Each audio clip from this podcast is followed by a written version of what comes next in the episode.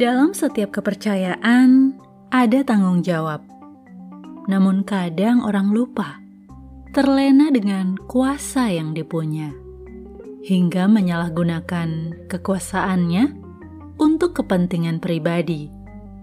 Melakukan hal yang ngadi-ngadi, bikin orang makan hati, dan menjadi gak percaya lagi.